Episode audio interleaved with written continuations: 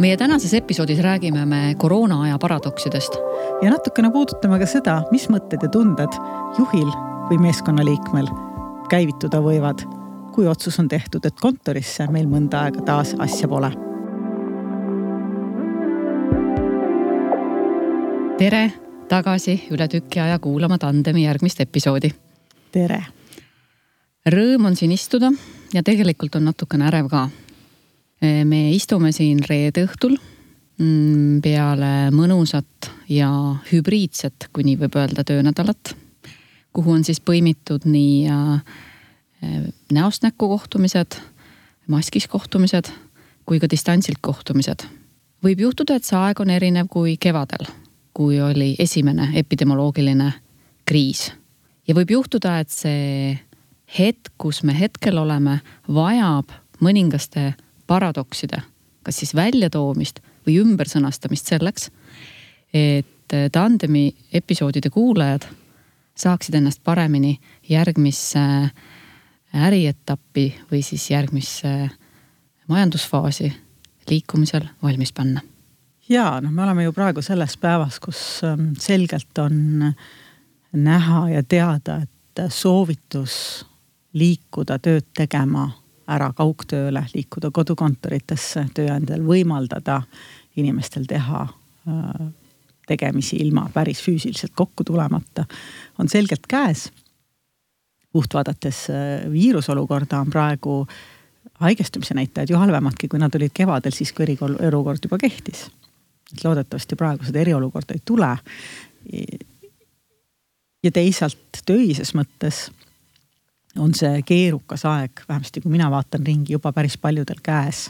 mis sa mõtled? Ähm, see aeg, kus äh, taaskord öeldakse, et äh, parem, kui sa kontorisse ei tule. ja ma olen just sellel nädalal, mul on päris mitme, mitu vestlust olnud sellel teemal, et inimesed äh, tunnevad ennast nii erinevalt selles et on neid, kelle jaoks oma tööde ja tegemistega kodukontorisse minek on vabanemine ja puhas rõõm. ja paljud jäidki ju kevadest oluliselt rohkem toimetama eraldi ja eemalt. aga väga paljude jaoks on see siiski väljakutse, et oleks võinud arvata, et kevadel sai harjutatud selgeks, mis see tähendab ja kuidas ja miks. ma ei tea, kuidas sulle tundub, aga mina kuulen küll hästi palju seda, et see tabab inimesi natukene nagu jälle ootamatult. ja kuulen seda, et äh, neid samme ja ettevalmistavaid tegevusi, mida oleks võinud teha kevadiste õppetundide pealt, millest me ju ka oma siin saadetes rääkinud oleme. ega neid liiga palju ka tehtud ei ole või kuidas sulle tundub mm.? hea kuulaja, me oleme siis täna sinuga sellel teel, et äh, rääkida just nimelt äh, teemal, mis siis, kui sul palutakse taas koju jääda. noh, esimene, mis, mis on, on see, et kui me mõtleme heuristiliselt ehk neuroteaduse vaates, siis äh, on näha, et äh, inimestel ei ole soovi olla keli, kellegi väliskeskkonna jõu või välise mõju poolt nii palju suunatud. ning alateaduses hakkab tööle vaistlik vastutöö ning lootus, et äkki läheb üle, äkki ei puuduta mind. Eh, sellel taustal võib juhtuda, et äh, inimesed ei ole heas kontaktis oma sisemise energiaga ja ei valmista ennast ette või ei hoia ennast äh, hoos selleks, et äh, juhtida eesmärke või protsesse või lahendusi. ja võib, et lasevad liiga palju ressurssi või topeltenergiat mõningaste protsesside enda kehast läbilaskmisele selle asemel, et nad juba ette kõrvale juhtida. ja, ja just see vastutöö, mis sa räägid, et, ähm, et see olukorra mitte mitte aktsepteerimine, mitte vastuvõtmine ja see sisemine, noh, sa ütlesid alateadlik vastutöö, mina näen ka väga palju niisugust teadlikku vastutöötamist mm,. mis sa mõtled? Äh, ma mõtlen kasvõi seda, noh, kui inimesed täitsa otse teatavadki, et aga see on üles paisutatud mure. miks ma peaksin, miks ma peaksin midagi muutma, miks ma peaksin tegema midagi teisiti? Mm, seal on ju päris palju sellist otsest vastuseisu ka mm. -hmm Äh, eesmärkide suunas liikumine võib võitluse korral tõesti tahaplaanile jääda. kui me võitleme mingisuguse tuntud või tundmatu, kujuteldava või päris kolliga, siis äh, nagu sa enne ütlesid, et eesmärk äh, või see energia läheb lihtsalt valesse kohta mm. -hmm. aga võib-olla kui nüüd mõelda täitsa rahulikult, et äh, vaata kevadel oli, ma usun, et hirmufoon päris selgelt olemas. Inimeste hirm oma tervise pärast, esimest korda, eks ole ma,, majanduskriis koos tervisekriisiga. mis sa arvad, kas sügisel on sama lihtne inimestel kõiki kokkuleppeid ja riigipoolseid tähelepanekuid järgida või võib natukene libastumisi rohkem tulla?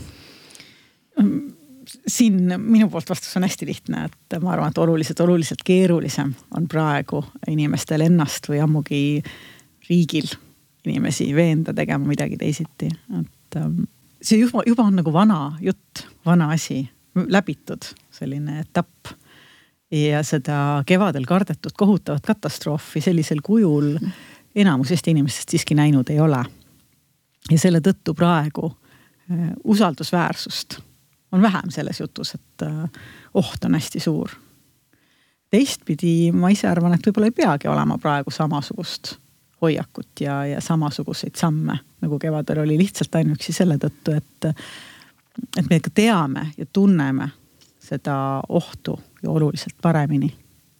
ja väga paljud asjad, mida me kevadel kartsime, noh ongi osutunud oluliselt vähem ohtlikeks.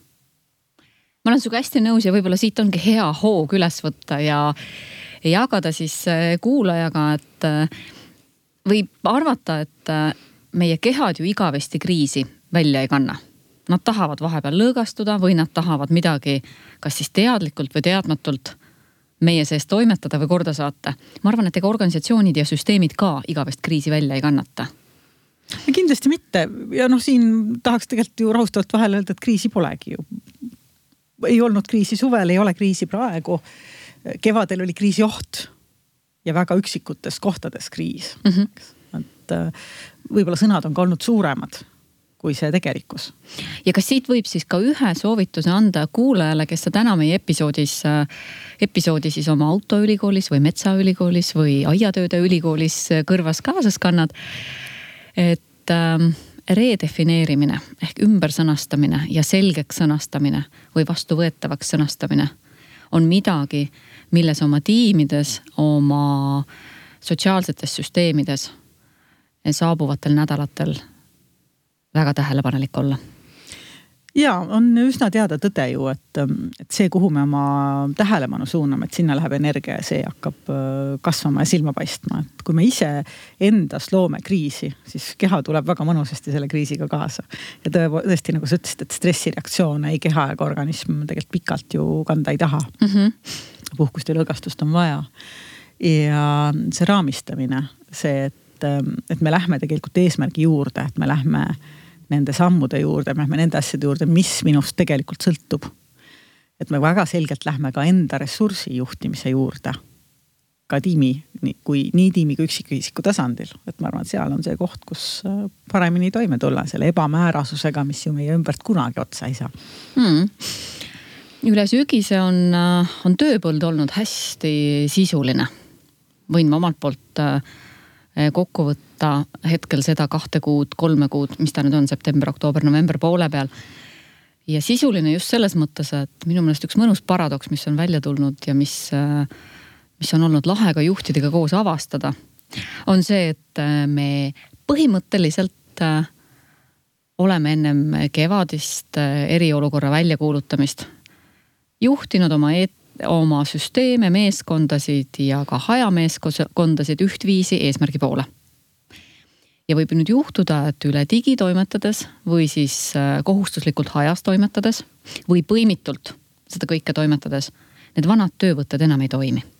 ja on sul mõni konkreetne näide tuua, mida sa praegu silmas pead? absoluutselt, ma olin kaasas ühele meeskonnale, kus tuli hästi vahvasti välja selline termin nagu eestvedamine ja leadership'i kontekst. nüüd leadership inglise keeles ja eesti keeles siis eestvedamine. ja selles rühmas me siis tõlkisime seda sõna äh, sarnaselt, et leadership ehk kuidas sa laeva juhid. ja selles äh, nii-öelda siis äh, juhtimise arutelus, kuidas sa laeva juhid, põrkasime me huvitavate vastandite vastu. Esimene nendest vastanditest oli see, et äh, kas siis rohkem administreerivat tööd ja vähem genereerivat tööd, sest liider võiks olla ju kõikes kaasav, võimestav, jõustav, teisi toetav. kuni tuli üks äh, suht sirge seljaga naisterahvas ja ütles ja sekkus sinna arutelusse, öeldes väga julgelt välja, et äh, praegusel ajal meeskonna kaheteist või kümne inimese ümber laua või ümber digilaua koos hoidmine, kõigile sõna andmine ning kõigiga ühiselt arutlev, äh, võimestav jutuajamine on võimatu. tema on leidnud enda jaoks meetodi, kus ta ütleb, et vaid üks-ühele saab ta igaühega tema töölaual olevad eesmärgid üle vaadata. saab vaadata üle, mida oma laualt talle delegeerida või kus tema laual omalt poolt jõudu, mõtteid või otsuseid juurde anda. Ent ta ei näe hetkel võimalust, et kevadeni väga hästi töötanud kommunikatsiooniviis, ühine arutelu, diskussiooni kaudu liikumine, kõigile sõna andmine. et ta lihtsalt ütles, et see röövib tema töölaualt nii palju aega ning administratiivset tööd, mis on seotud just digimaailma ohjamisega, võimendavad tema töölauda nii ehk naa selliste operatiivsete ülesannetega. et tal selliste sisuliste mõttetööde jaoks kõigi kuuldes enam ei ole usku, ei ole tahet ja ta tunneb, et see ei tööta tema meeskonnas või tema divisjonis. Ma julgeks siin kohe kolm mõtet vastu peegeldada, et esimene on see, et meeskonnad ongi erinevad ja tööspetsiifika on erinev. Ja minu meelest ka mitte digis või mitte hübriidtööd tehes tuua ühe laua taha arutama inimesi, kelle töö ei vaja seda arutelu, on igal juhul ressursi raiskamine. ja, ja töömäng sellest, et me teeme midagi koos, mida tegelikult pole vaja koos teha, minu meelest see ei oma väärtust ei kauge ega, ega lähitööl. teine mõte, mis mul sind kuulates tuli, oli see, et ähm, väga sageli inimesed ei teadvusta endale, et juhtimiskoormus äh, kasvab kaugtöö puhul ja oluliselt kasvab just nimelt sellepärast, et juhil on vaja fokusseeritud one-on-one tegevusi või noh, siis üks-ühele kohtumisi. väga selgeks peab minema mm, eesmärgistamine väga selgeks peab minema tagasisidestamine, ehk siis üks äh, selline lihtne töövõte, mida, mida mina palju kasutan, olen palju soovitanud ka, ongi see, et sa, et sa lepid ette äh, küsimuste kaudu need lühiajalised eesmärgid Äh, siis sõltuvalt inimese kogemusest, sa jätad ta toimetama kas üksi või, või toimetad temaga koos, sõltuvalt tema, tema kogemusest, sõltuvalt valdkonnast, sõltuvalt sellest, mis on vaja teha.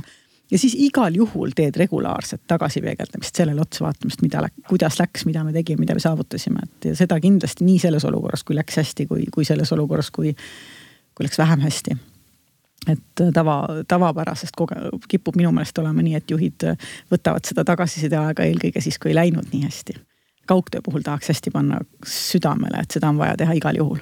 siis ka, kui kõik läks super-super hästi, ikka on vaja võtta see õppimise koht. Äh, aga jah, see juhtimiskoormus kasvab ja, ja selle tõttu tõesti iga juht peab tegema neid valikuid, mis tema töölauale mahub. kolmanda mõttena nüüd see, et, et see juhi laeva, mis sa ütlesid mm, -hmm. eks, et laevad on ju nii-öelda eri suurused.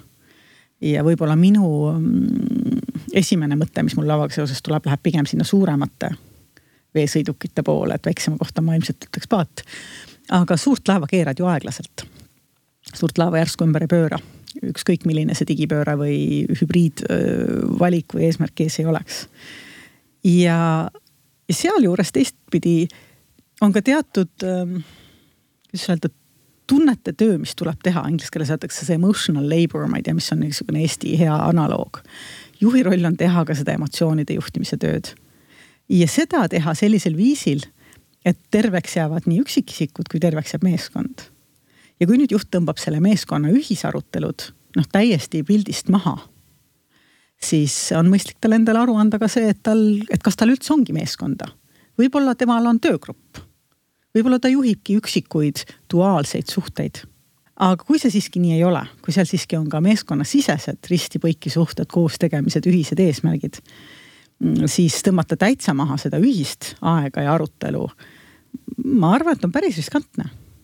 Ma seda teed ei läheks ja ei soovitaks ka, sest suhete hoidmise töö on juhi üks väga suur tööosa. suhete loomise, hoidmise, õhkkonna loomise, õhkkonna tootmise töö. see seda ei tee ainult üks-ühele vestlustega. ja emailidega grupile hmm.. väga palju mõnusaid mõtteid, et öelda, et teeme siin väikese pausi ja anname kuulajale võimaluse oma peas kord mõelda, kas äh, sõna juures leadership on äh, õigustatud ja põhjendatud jätta grupisuhe täiesti kõrvale ja minna üks-ühele. teades, et võib, et selle grupisuhte tagasi suureks ja toimivaks juhtimine võib olla palju suurem väljakutse kui see, kui nad nüüd sellel digiajastul mõjusalt aja juhtimise eesmärgil maha jätta ja mina ärgitaksin mõtlema just oma konkreetse meeskonna näitel mm, -hmm. sest äh, meeskonnad ei ole ühesugused ja valdkonnad pole ühesugused. et kui mõtled, siis mõtlegi enda praktilise igapäevase töö peale. Absoluutselt ja me oleme tagasi peale väikest pausi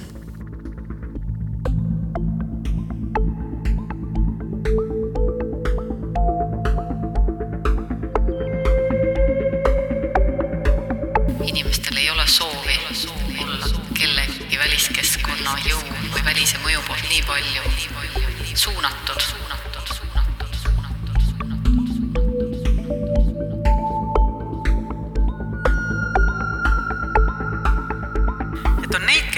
Kelle jaoks oma ja tegemistega kodukontorisse minek on vabanemine ja puhas rõõm.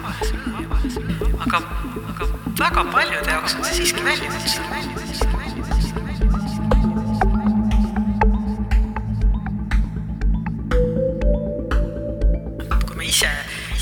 loome kriisi, siis keha tuleb väga vanusest selle kriisiga kaasa.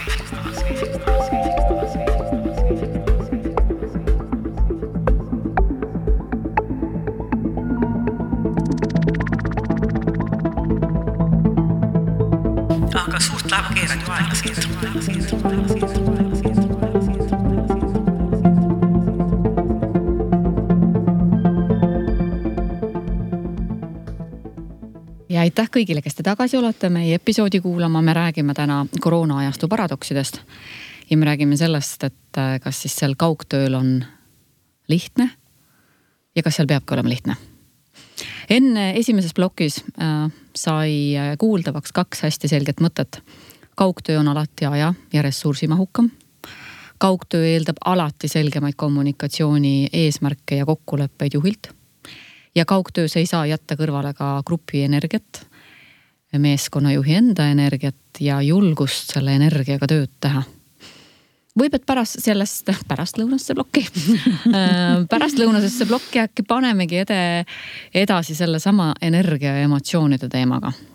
kui sa vaatad oma töölauda ja oma töösuhteid hetkel, siis kuidas sa hindad, kuidas inimeste energia hetkel sügisel kakskümmend kakskümmend Eesti organisatsioonides on?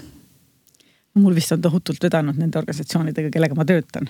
et nii minu igapäevane meeskond kui äh, teised meeskonnad, kus ma kokku puutun, on tegelikult hästi jõulist energiat täis. ja hästi tegutsemistahet täis. Ähm, mida ma arvan, mis, mis iga päevaga aina olulisemaks muutub, on, on inimese enda selline ressursi juhtimine et mis on need asjad, mis ma teen selleks, et mul oleks energiat ka esmaspäeval ja teisipäeval ja järgmisel reedel. ja kui me kevadel sinuga neid õppetunde võtsime esimesest kaugtööperioodist, siis üks asi, mis ma arvan, mis meid sinuga mõlemaid rõõmustas ja, ja võimestas kõvasti, olid need kõnnikoosolekud mm. -hmm ja mina enda jaoks leian küll praegu, et see, kui ma osa sellest digitööst viin värskesse õhku, kõrvaklapid kõrvas, jalad liikumas ma saan mitu kärbest ühe hoobiga. ma juhin oma ressurssi, ma loon endale energiat juurde. ma aju töötab ka paremini, kui ma olen liikumas, ajule meeldib liikumine.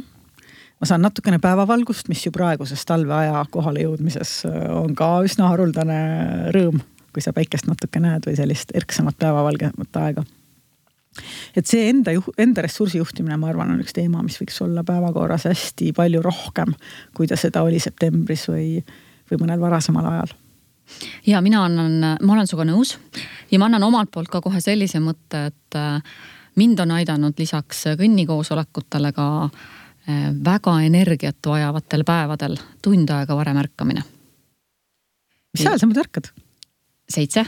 siis tund aega varem, kui sa kuuest tuled, siis see rahulik hommik annab sulle päeva sära juurde, eks ju noh, eriti sellel hommikul, kui on äh, tarvis olla väga konstruktiivselt, näiteks kell üheksa digis inimeste ees, keda on, keda ma näengi põhimõtteliselt üks kord elus. et ma olen arenguprogrammis lektorina kuue korra kokkukäimistelt üks lektor ühel päeval. grupile, kus on üle kolmekümne inimese, nad tulevad digisse üle Eesti ma isegi ei tea, kas neil on grupiga kokkulepe, et nad tulevad pildiga digisse või mitte ja see on ju täna päris oluline teema, kokkulepped, me tuleme sinna teema juurde veel tagasi. aga miks ma just ütlen, see tund aega varem ärkamine? siis sellel päeval, kui ma tean, et mul tuleb olla kell üheksa nende ees ja ennem üheksat peab ju saama kõik teised asjad ära korraldatud, mis on seotud minu perega. siis see kuuest-seitsmeni iseendale aeg, kasvõi külm dušš, kasvõi kord õue minemine ja mõned ringutavad harjutused. E, kasvõi mõne füüsilise tegevuse tegemine kodus vaikselt, nii et see teisi veel ei häiri. ehk et see midagi, kus ma tulen iseendasse ja loon selle küpsuse ja valmisoleku, nii et kui ma tõesti siis eetrisse lähen ennem üheksat, siis ma tean, et äh, ma olen oma kehale andnud äh, tõsiselt palju ette selleks, et mind sellest päevast läbi kanda ja sellele ma kirjutan kahe käega alla, et mina olen samasugune inimene, kes vajab hommikul enda aega mm. -hmm ja mina vähen seda nii mõtluseks kui liikumiseks. aga kui mugav on sul seda teha, et sa viitsid, tahad ja. mina viitsin, tahan, mul on oma niisugune noh, kiiremal päeval on see kümme minutit, aeglasemal päeval võib see olla kuni pool tundi. ma teen, mul on oma joogasetid, mida ma hommikuti teen, ma võtan ka sellise noh, meditatsioon on võib-olla suur sõna, aga just nimelt sellise mm. kohale tulemise, hingamise, mõtlemise aja. ja ma tunnen, et minu jaoks on tohutult vajalik ja mul on siis energiat kõvasti rohkem. ja on juhtunud olukordi kus mis iganes põhjusel on see ära jäänud ja ma tunnen siis küll päris tugevalt seda vahet, mis on selle päeva vahel, kus ma olen hommikul saanud teha hingamise, venitamise, natuke joogat, rahuliku puuviljasalati, aeglase kohvi, võib-olla isegi tuues postkastist lehe ära. seal on kahjuks on see asi, et postiljonid ei kipu jõudma nii vara. aga noh, siis eelmise päeva leht aitab ka hädast välja. hästi, eks sa viita kõigepealt postkasti ja siis tuleb tagasi siis ma võtan ta tead siis sealtsamast köögist. Oh.. aga et, et, et see vahe nende päevade vahel versus sellega, kus sa hüppad voodist kiirelt duši alt, juba on vaja kleit selga ja juba on autovõti käes, eks ole, või noh, võib-olla autovõti praegu aina harvem ja, ja see nii-öelda roheline nupp ekraanil, eks ole, aina sagedasemini, et, et seal on minu, minu energias on küll väga suur vahe. minul ka. Ja tead, ega mõnikord tuletavad ju elus juhused sellised markantsed juhused seda energia eh, kohustuslikkust või vahet meelde. mul on mõnikord oma kehaga õnnestunud ka nii kokku leppida, et äh, ma palun tema käest õhtul, et ta ärataks mind hommikul ennem kella sellisel ajal, kui ta tunneb, et ma olen välja puhanud. aga mina vajan seda aega hommikul, et temaga koos ennast nii-öelda vormi viia. ja see on väga hästi õnnestunud. aga mõnikord on vaja mõnda tõuget ka. ma pean siinkohal rääkima ühe loo. Ja see lugu juhtus minuga mõni nädal tagasi ma olin ühel treeningul üle pika aja kahepäevasel. ja tei-, esimese päeva õhtul eh, ma palusin endale treenerina sellise toa, kus ma olen kõigi, kõigile, noh, meeskonnale kõige vähem nähtav. et äh, ja nad ütlesid hästi, siis see tuba sealt. ja see selgus, et see oli selline tuba, kus täpselt kõrvalt käis mööda siis ventilatsiooniluuk, mis all keldris olnud sauna hääled kõik ülesse korstnasse viis Õnneks olid mul kaasas kõrvaklapid, need maagilised kõrvaklapid, mille ma siis õhtul lõpuks otsustasin selleks, et magama saada jääda, otsustasin endale kõrva panna. tühjana, no ehk et ma ei pannud käima, aga lihtsalt nad summutasid heli väga hästi ära. aga hommikul kell kuus tirises kellegi toas äratuskell tühja. ja need kõrvaklapid tol hetkel seda äratuskella ei takistanud. tunne oli küll selline, et äh, mis ma nüüd teen, ma ju alles sain magama aga see läks kohe üle, sest mul tuli meelde, mis tähendab see hommikune tund iseendale. ja ma arvan, et see oli mul selle sügisese treeningperioodi üks ilusamaid hommikuid seal metsas. kus hall oli maas ja, ja linnud tegid oma hommikuhääli sarnaselt meiega, eks. ja kus see aeglane kohvi ja väike jaotusmaterjalis veel iseenda jaoks selline fresh up.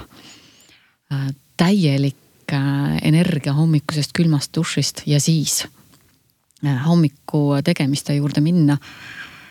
Mm, mitte, et ma poleks seda varem teinud, vaid et ma tänasin seda gruppi selle eest, et sellel mehel kogemata kella kuueks oli pandud kell, mida tal vaja ei olnud, ta pani kella seitsmeks uuesti, kuna meil olid toad nii lähestikku, siis ma kuulsin seda. aga see moment, kus sa tunned, et keegi tuletab sulle meelde. mul on nii kahju, et kuulaja su nägu ei näe, aga õnneks see emotsioon vist kostab hääle kaudu ka välja. ja minu meelest sa tõid ühe teise olulise või ma ei tea no., kaheksanda olulise ressursi juhtimise teema mängu, mis minu jaoks vähemasti on väga oluline, see on ilu.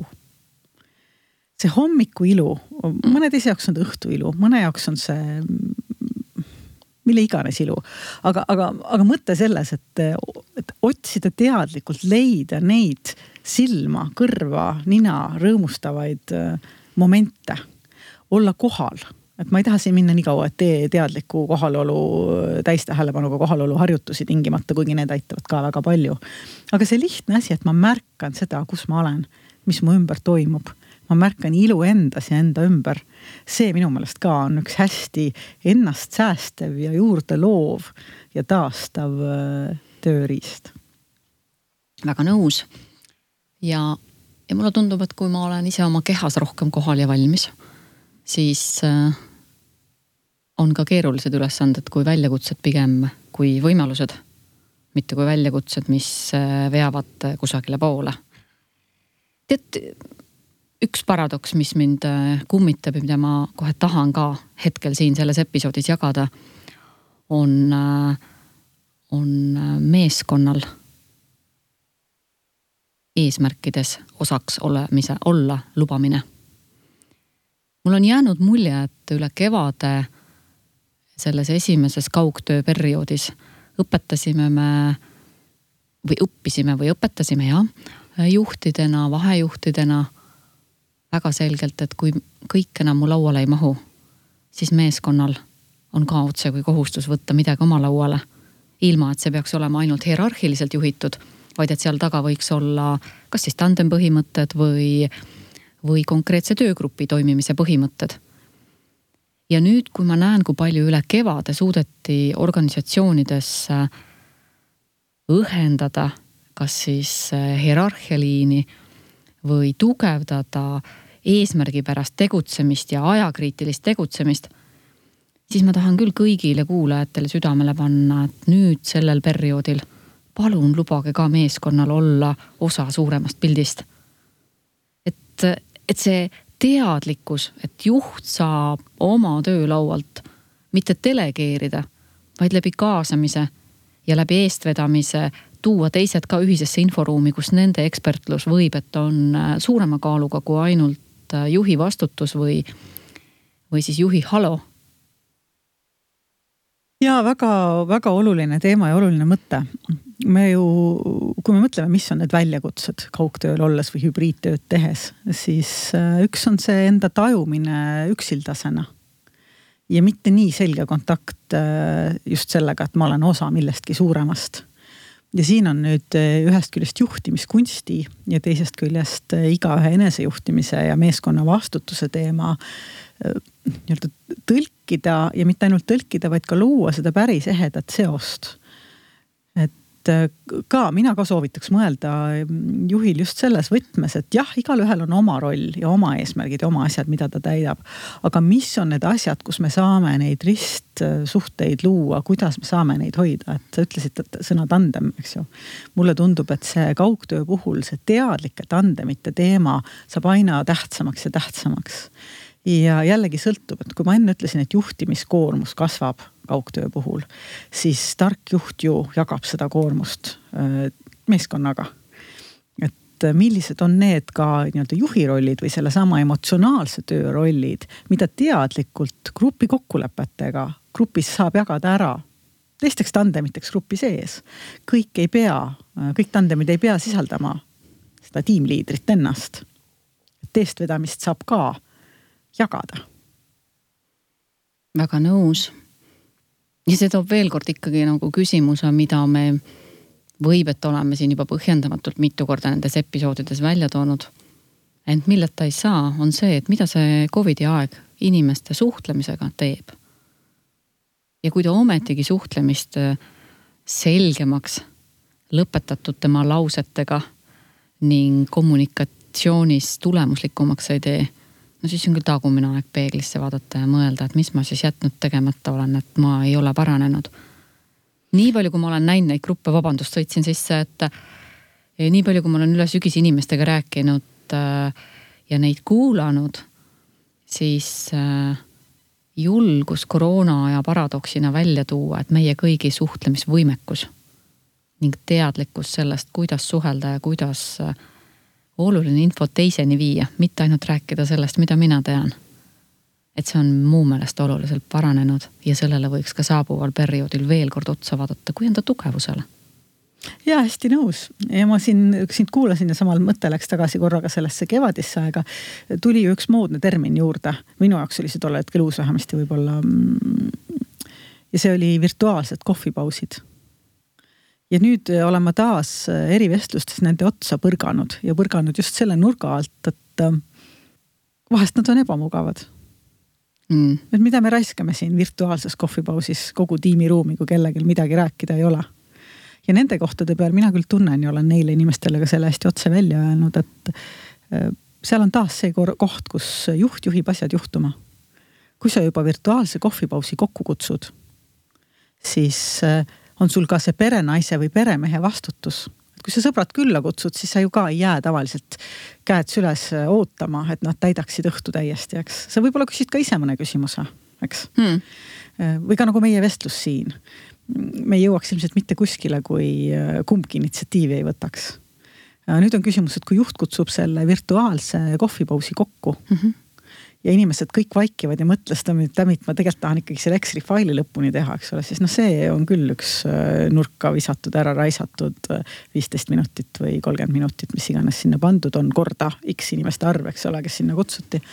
et võib-olla julgustaks rohkem ja rohkem küsimuste kaudu mõtlema miks ma mida teen.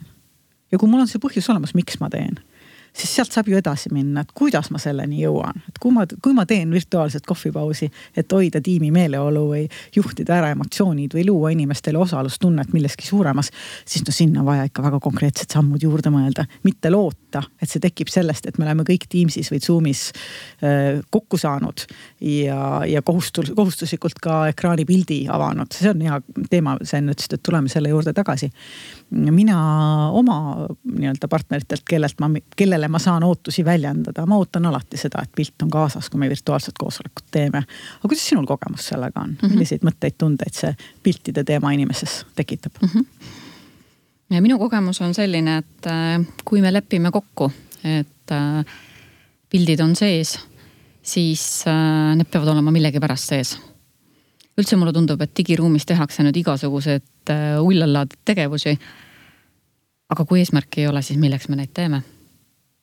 no miks sa arvad, miks, miks võiks olla minu nii-öelda, miks mulle tundub, et pilt peaks olema sees, kui ma digikoosolekul inimesega olen?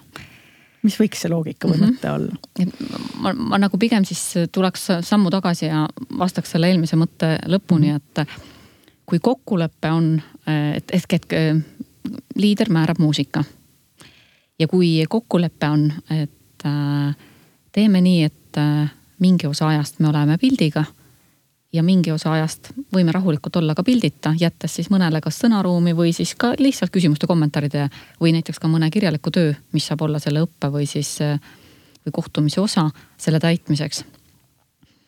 ja sealt tekib nagu teine paradoks. et kui mul on tohutult hea ilma pildita olla ja ma tahan täie hooga ajurünnaku stiilis kaasa mõelda, olles samal ajal pikali vaadates lakke ja mul on juuksemask peas, näiteks. siis äh, miks ma seda nii teha ei või? ehk ma toon tagasi mõtte juurde, et kui kokkulepe on ja kokkulepe on, siis kokkulepe on soovituslik teha millegipärast. et kui me arutleme, siis me tahame arutleda. ja kui on loengu pidamise aeg ja inimesed ütlevad, et ma tahan kirjutada, ma tahan rahulikult kirjutada ja sinu, sinu rääkimisest konspekti teha. Kas ta siis peab seda mul pildiga tegema?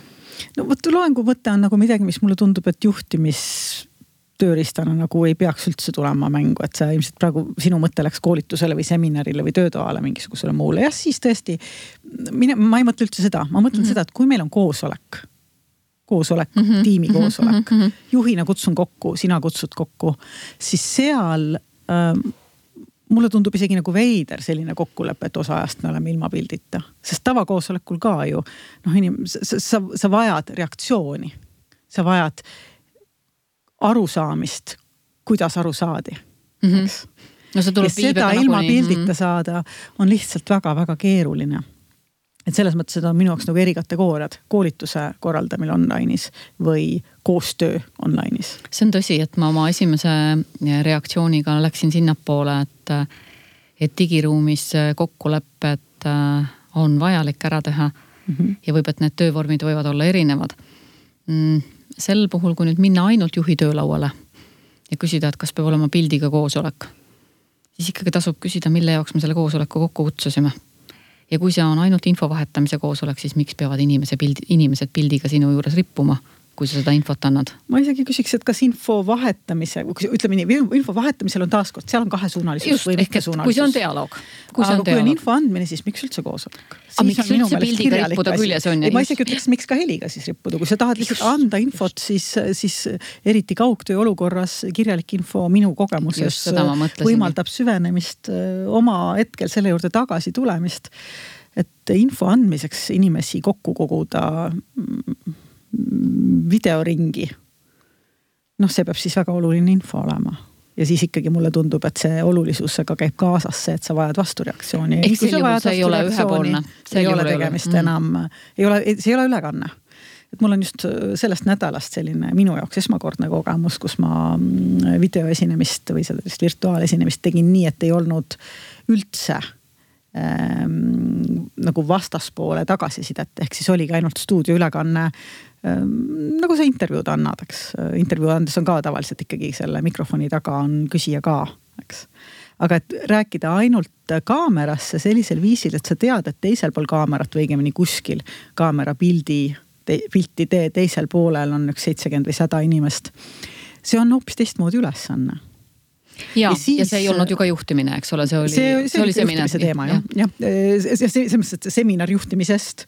ja seal ma mõtlen, mis mind kõige paremini aitas, oli see, et ma lõin endale virtuaalse tandempartneri teisele poole. kellega ma siis suhtlesin mm. -hmm. et aga see ei ole noh, nii-öelda koos olemise olukord. seal oli mul anda sõnum, mul oli palutud anda sõnum ja selle sõnumi kohale jõudmist noh, kontrolliti mingite teiste viisidega, mitte minul selle kaudu, et seal poleks mind natukenegi aidanud see, kui mul oleks saja näoga ekraan vastas olnud. sest äh, ega ma sealt liiga palju tagasisidet saanud ikka poleks. vot, et see võib-olla selline arutelu nüüd päris mitmest erinevast äh, digijagamise vormist äh, viib nagu selle kokkuvõtteni, et, et, et kui täna räägime me sellest, et aeg saab järjest olulisemaks ja see, mis sa selle ajaga jõuad ära teha, sest äh, hajameeskondade juhtimine võtab kauem aega, vaieldamatult, see on fakt. siis tasub ka väga selgelt läbi mõelda, et äh, kui me neid koosolekuid kokku kutsume, siis mis on nende koosolekute eesmärk ja kas silma ja kas sellel, kui sellel koosolekul on ühepoolne info jagamise kord, siis võib, et selleks ei pea kutsuma kokku koosolekut ja ei pea pärast õhkama, miks nad pilti sisse ei pannud. muuseas, ma pean tunnistama, et avalikus sektoris on juhtunud nii, et on ka väga palju selliseid lauaarvuteid, millel ei ole kaamerat arvuti küljes. ja siis hakata avalikult äh, parastama kedagi, kellel ei ole tööalaselt veel võimalust olla digipildiga. siis, siis minu meelest on seal ka mõtlemise koht sellega ma olen täitsa nõus, mul õnneks sellist kogemust polegi, kus keegi oleks äh, kedagi pildi puudumise pärast rünnanud. ja ma loodan, et kui me läheme tagasi juhi töölauale, siis et ehk juht leiab ka paremad viisid oma meeskonna pilti helisse või muul viisil kohale toomiseks kui parastamise kaudu. aga võib-olla võtamegi sellele episoodile nüüd täna joone alla just andes üleskutse juhile, et, et selleks, et võita enda juhtimislauale aega juurde. paar soovitust. ma alustan sellega, et mõtle läbi, mis su töötajal on digivahenditest olemas ja millega võiks teda veel toetada selleks, et ta saaks maksimaalselt hästi keskenduda ühise eesmärgi täitmisele. ja kust tuleb ka kohe hästi loomulikult järgmine mõte, kui hästi ta teab seda ühist eesmärki ja kui selge on tal tema enda eesmärgi nii pikaajalise kui lühiajaliste eesmärkide seos selle suurega. ja mida mina juhina võib, et selle valdkonnas rohkem tegema pean, et inimene oma äh, eesmärkide, oma igapäevatöö äh, sammude ja eesmärkide seose tajumises äh, ise aktiivsem olla saaks. ja kolmanda asjana mõtle läbi, mis on need korrad, kui sul on tarvis tulla ühisesse inforuumi ja kui need on need korrad, siis kui hästi neid saab korraldada. sest meie järgmises episoodis võib, et äh, peatume me just äh, küsimusel, kuidas tandemit liigutada endas ja kuidas võtta tandemist endas see parim selleks, et eriolukordset, eriolukordset aega juhtida